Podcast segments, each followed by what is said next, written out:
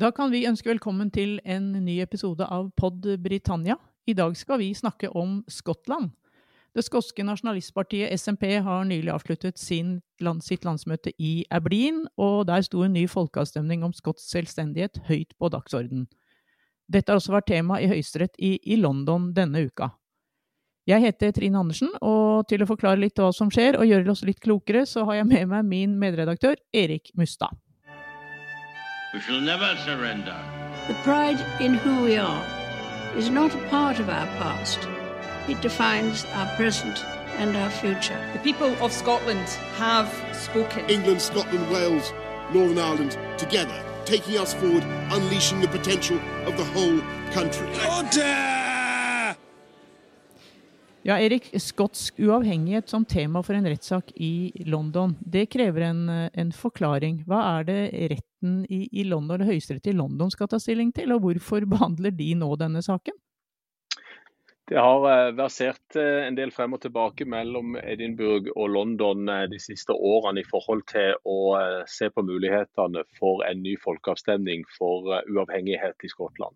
Vi vet jo som du sa innledningsvis at det skotske nasjonalistpartiet SNP har hatt dette på dagsordenen egentlig helt siden 2014, da den forrige avstemningen gikk i disfavør av uavhengighet, hvor 55% av skottene stemte for å forbli i unionen med Storbritannia, så har SNP, eh, og spesielt under eh, leder Nicola Sturgeon, eh, sagt at de ønsker å ha en ny folkeavstemning om skotsk uavhengighet. Så er det da London som foreløpig har stått i veien for dette, fordi at sånn som det var i 2014, så måtte daværende SNP-leder Alex Hammond be daværende statsminister i Storbritannia David Cameron eh, om lov, for å si det sånn, for å avholde en uh, uavhengighetsfolkeavstemning.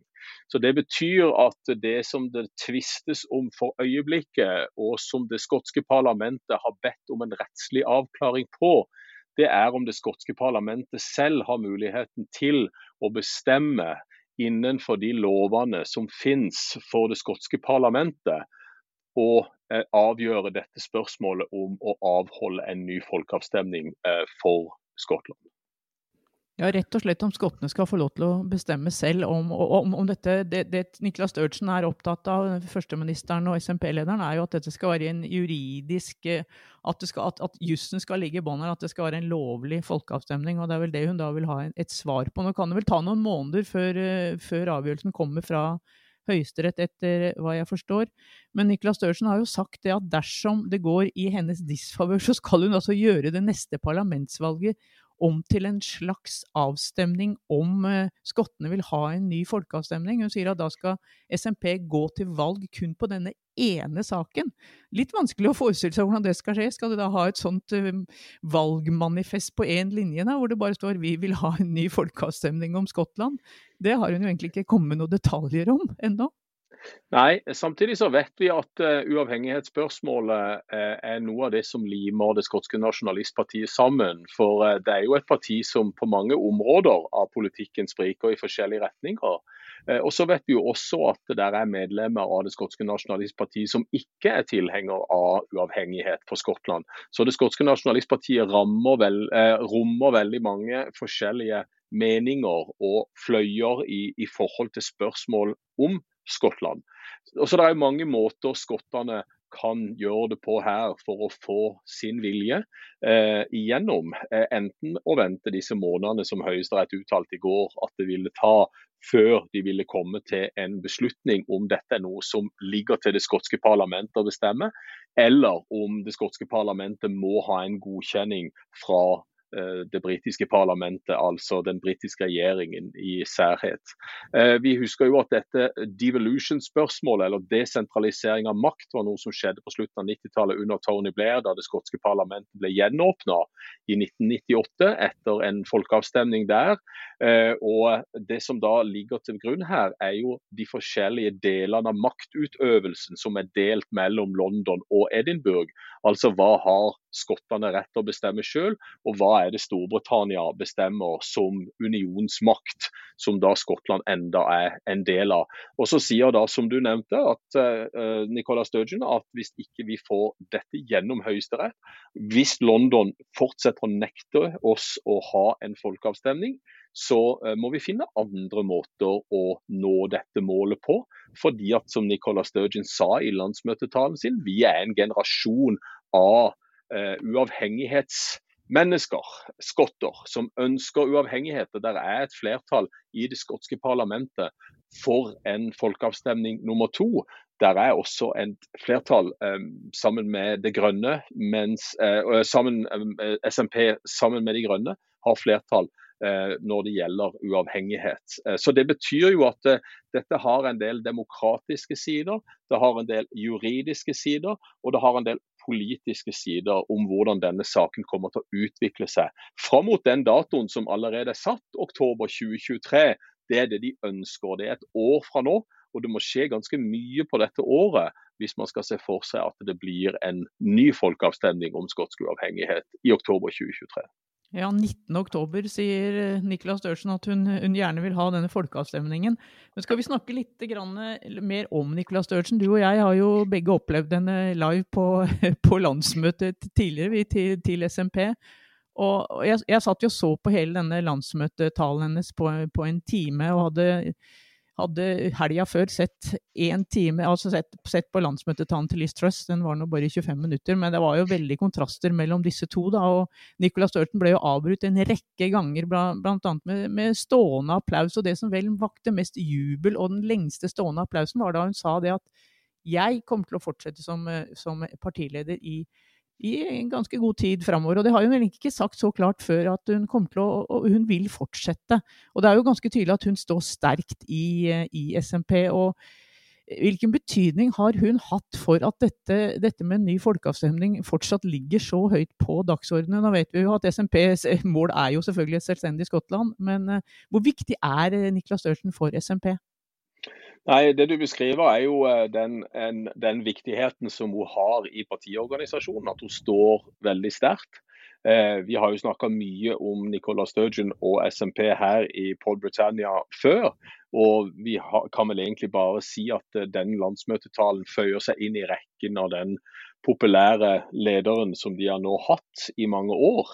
Eh, og at hun står like sterkt nå som hun gjorde for, for fem-seks år siden.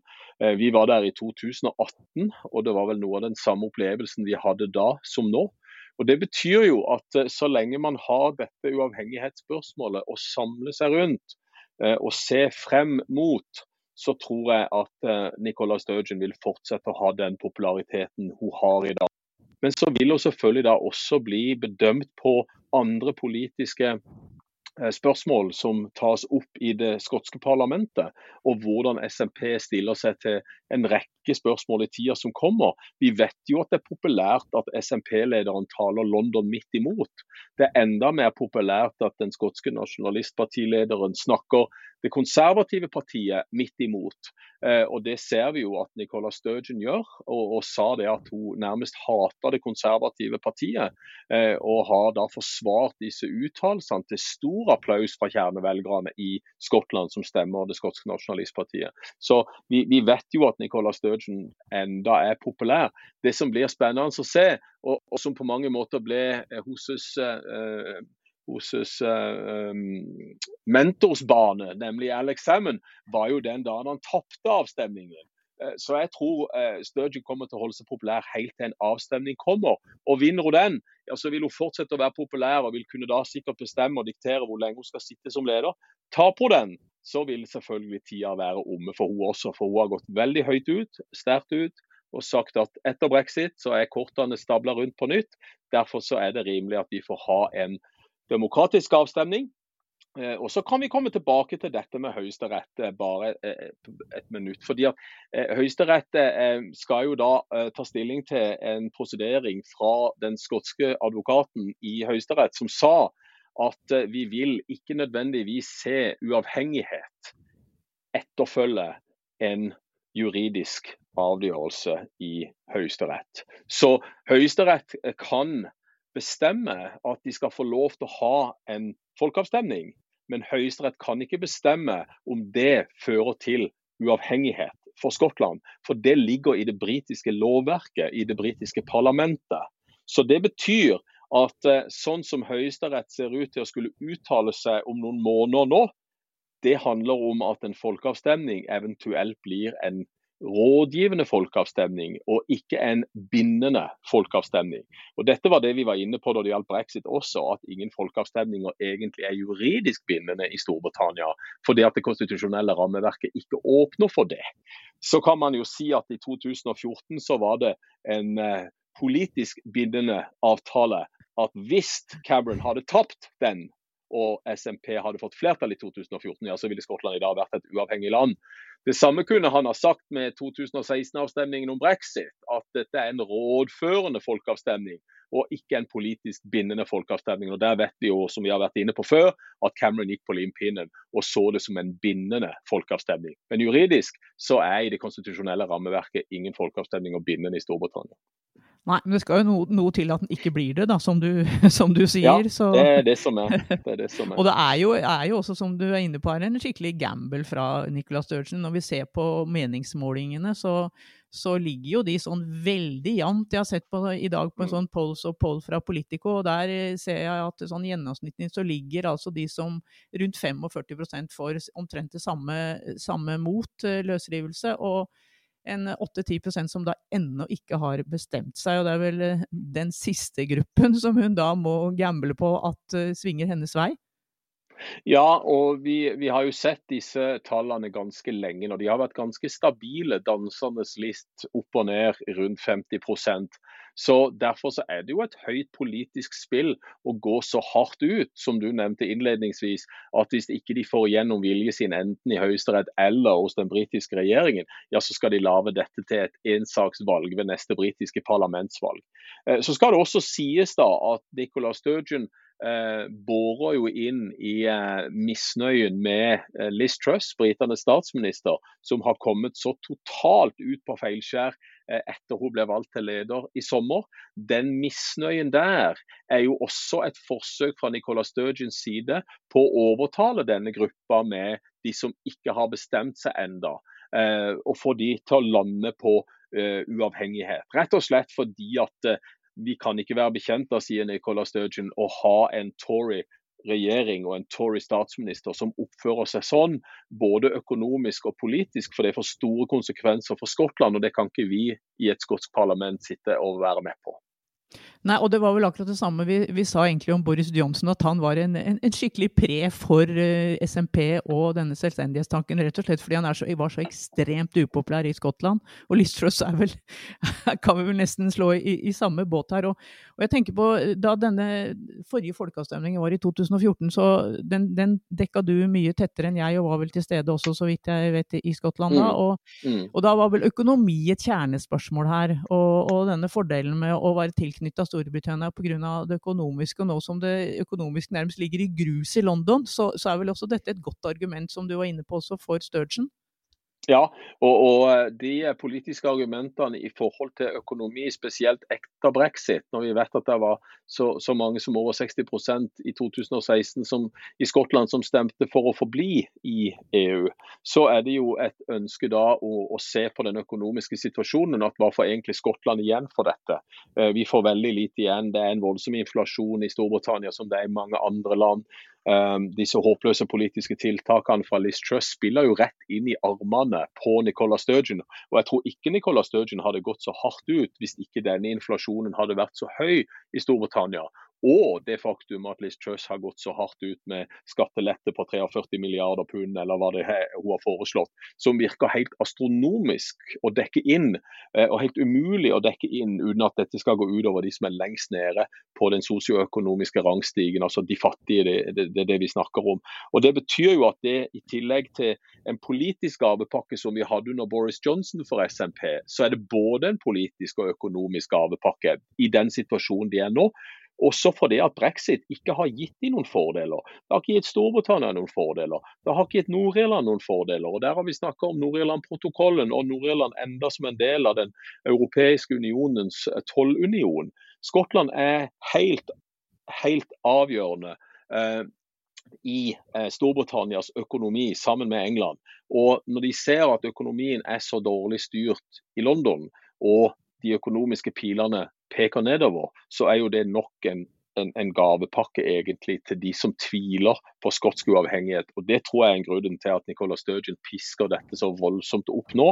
At hun ser at nå har hun sjansen til å få dette spørsmålet frem, frem i pannebrasken på, på flere i Skottland enn det hun kanskje hadde før. Og så kan du vel også vise til altså, hvor mye mer stabilt styret har vært i Skottland. Det er, Liz Truss er vel kanskje er kun den fjerde statsministeren eh, mens, eh, mens Nicolas Sturgeon har vært førsteminister. Hun ble mm. førsteminister da etter eh, Alexander i 2014 og sittet i sju år. Den mm. lengstsittende førsteministeren i Skottland. Nå er det ikke noe lang historie med førsteministre, men allikevel. Og SMP har også sittet med makten da, siden du må hjelpe meg litt, 15 år, blir det ikke det? Mm. At de nå har sittet med, med makten i Skottland og, og, fikk altså ved valget i fjor nesten rent flertall. Det er jo ganske imponerende av et, et regjeringsparti. De pleier jo ofte å oppleve regjeringsslitasje. Det virker ikke helt som det, det biter på, på SMP. Nei, og vi har sett en vind som har, har blåst i SNPs retning i mange år. Og Det ene er jo avhengighetsspørsmålet. Det andre er jo misnøyen med Labour. For Vi pleier jo ofte å si, som jeg tror vi har sagt i podkaster tidligere, at velgere i Skottland stemmer enten Labour eller Nasjonalistpartiet. Eh, og eh, Nå Labour har ligget så langt nede på meningsmålingene, da de svingte seg oppover på venstresida eh, under Jeremy Corbyn, så var nærmest Skottland et dødt område for Labour. Og Da har det vært lett for SMP å utnytte den velgerapatien for Labour, og har tatt alle disse velgerne fra fra, fra Labour. Og, og, Det er også en grunn til denne stabiliteten, i tillegg til at uavhengighetsspørsmålet har på en måte ligget der oppe som dette overordna spørsmålet, som enda ikke er lukka, da, fordi at brexit endra egentlig hele sentimentaliteten rundt uavhengighetsspørsmålet. Eh, når det var så mange som stemte for å forbli i EU, mens England i unionen var der det største flertallet for brexit var. Og Vi har jo sett i etterkant av dette at de konservative regjeringene har konsentrert seg om England. Eh, og Det er jo igjen bensin på bålet til dette uavhengighetsspørsmålet i Skottland. Så stabiliteten er, er, er vel og bra for, for, SMP. Det er imponerende at de klarer å holde eh, farten eh, så fort oppe og høyt oppe som, som de har på politikken sin i Hollywood, det skotske parlamentet, men de er også hjulpet veldig godt av en anti-Labour og en antikonservativ vind i, uh, i Skottland, som gjør at de på en måte surfer på denne bølgen enda. Men når du snakker om Labour her, så har vi jo hele tiden sagt at ingen kan bli statsminister i Storbritannia uten å, å, å ha, ha, litt vind i seilene i, i, Skottland. Men nå ser vi jo at Labour ligger jo så milevis foran de konservative på meningsmålingene. Trenger nå Kirstarmer egentlig å bry seg om Skottland? Eh, vi har jo diskutert dette før også, om Labour bare må vinke farvel til Skottland. Fordi at eh, man etter all sannsynlighet vil få mange år til med SNP. Men dette beror på uavhengighetsspørsmålet, tror jeg. Eh, for mange av de som vil stemme SNP, og har stemt SNP de siste 15 årene, det kan godt være at de kan svinge tilbake igjen til Labour hvis det nå ikke blir noe eh, uavhengighet. Hvis, hvis, folkeavstemningen går mot det igjen, eller hvis ikke det blir noen folkeavstemning på ganske mange år. Så det er en gruppe SMP-velgere som, som, som, er tilbøyelig til å svinge. Eh, det kan godt være at Labour kan klare å ta så mye fra de konservative i England at de vil kunne klare å vinne med England og Wales. Eh, men det skal en mye sterkere innsats til, for vi vet at det konservative partiet står så sterkt i Sør-England. Og Der antar en at Labour ikke har sjans. Der Labour har sjans, det er i byområdene og i dette nordbeltet som vi kaller den røde veggen, eh, som nå er blitt en blå vegg etter Boris Johnsons brexit-valg i 2019. Så man antar jo at det ikke vil være nok å bare ta tilbake igjen den røde veggen. Det er derfor Labour har vært mer avhengig av Skottland for å vinne parlamentsvalg enn det de konservative har. Fordi at de konservative har en mye mye større oppslutning i den sørlige delen av England. Og den er ganske folkerik, den også. Vi må huske at England består av 56 millioner mennesker, mens Skottland består av fem og en halv. Eh, så England, det er der valget avgjøres. Og, og, de må spise tilbake denne røde veggen, da, for å kalle den det, for å være litt sympatiske mot Labour. Og så må de også da spise opp ganske mange av de valgkretsene som normalt har vært sikre seter for de konservative i sør, sørvest og sørøst i England. For i og med at England er så stor, så er det jo der først og fremst laget står. Men man har tenkt at, av, eh, at Labour var avhengig av Skottland eh, for å fylle opp nok plasser i parlamentet til å få flertall. Men nå ligger de så langt foran, men, men allikevel. Eh, et parlamentsvalg er veldig annerledes enn de målingene som gjøres i meningsmålinger. Så vi har sett Labour ligge langt foran før, men likevel tapt parlamentsvalg når det kommer til stykket. Og det er vel også det, hvis vi skal avrunde litt her, også det Niklas Sturgeon gambler litt på her. At selv om det vil, at meningsmåling er én ting, men det er noe annet når folk går og, og stemmer. Og da, da håper hun antageligvis at folk stemmer også like mye med, med hjertet som det vel ofte gjør i den type folkeavstemninger som vi, vi her snakker om. Ja, det er jo det som er håpet hos oss. At én, hun skal klare å overtale mange av de som ikke har bestemt seg enda. To, at folk eh, stemmer med det skotske hjertet og ikke det britiske hodet. Eh, og at det skal være nok til å tippe det i riktig retning for SNP og de som ønsker uavhengighet i SNP. Eh, og i mellomtida så kommer hun til å fortsette å bore inn i konservativ uenighet, konservativ splittelse, eh, dårlig økonomisk styring, dårligere levevilkår i Skottland. og det rett og slett demokratiske spørsmålet dette er. Hvorfor skal ikke Skottland få lov til å bestemme dette sjøl? Hvorfor skal de være avhengig av det britiske parlamentet?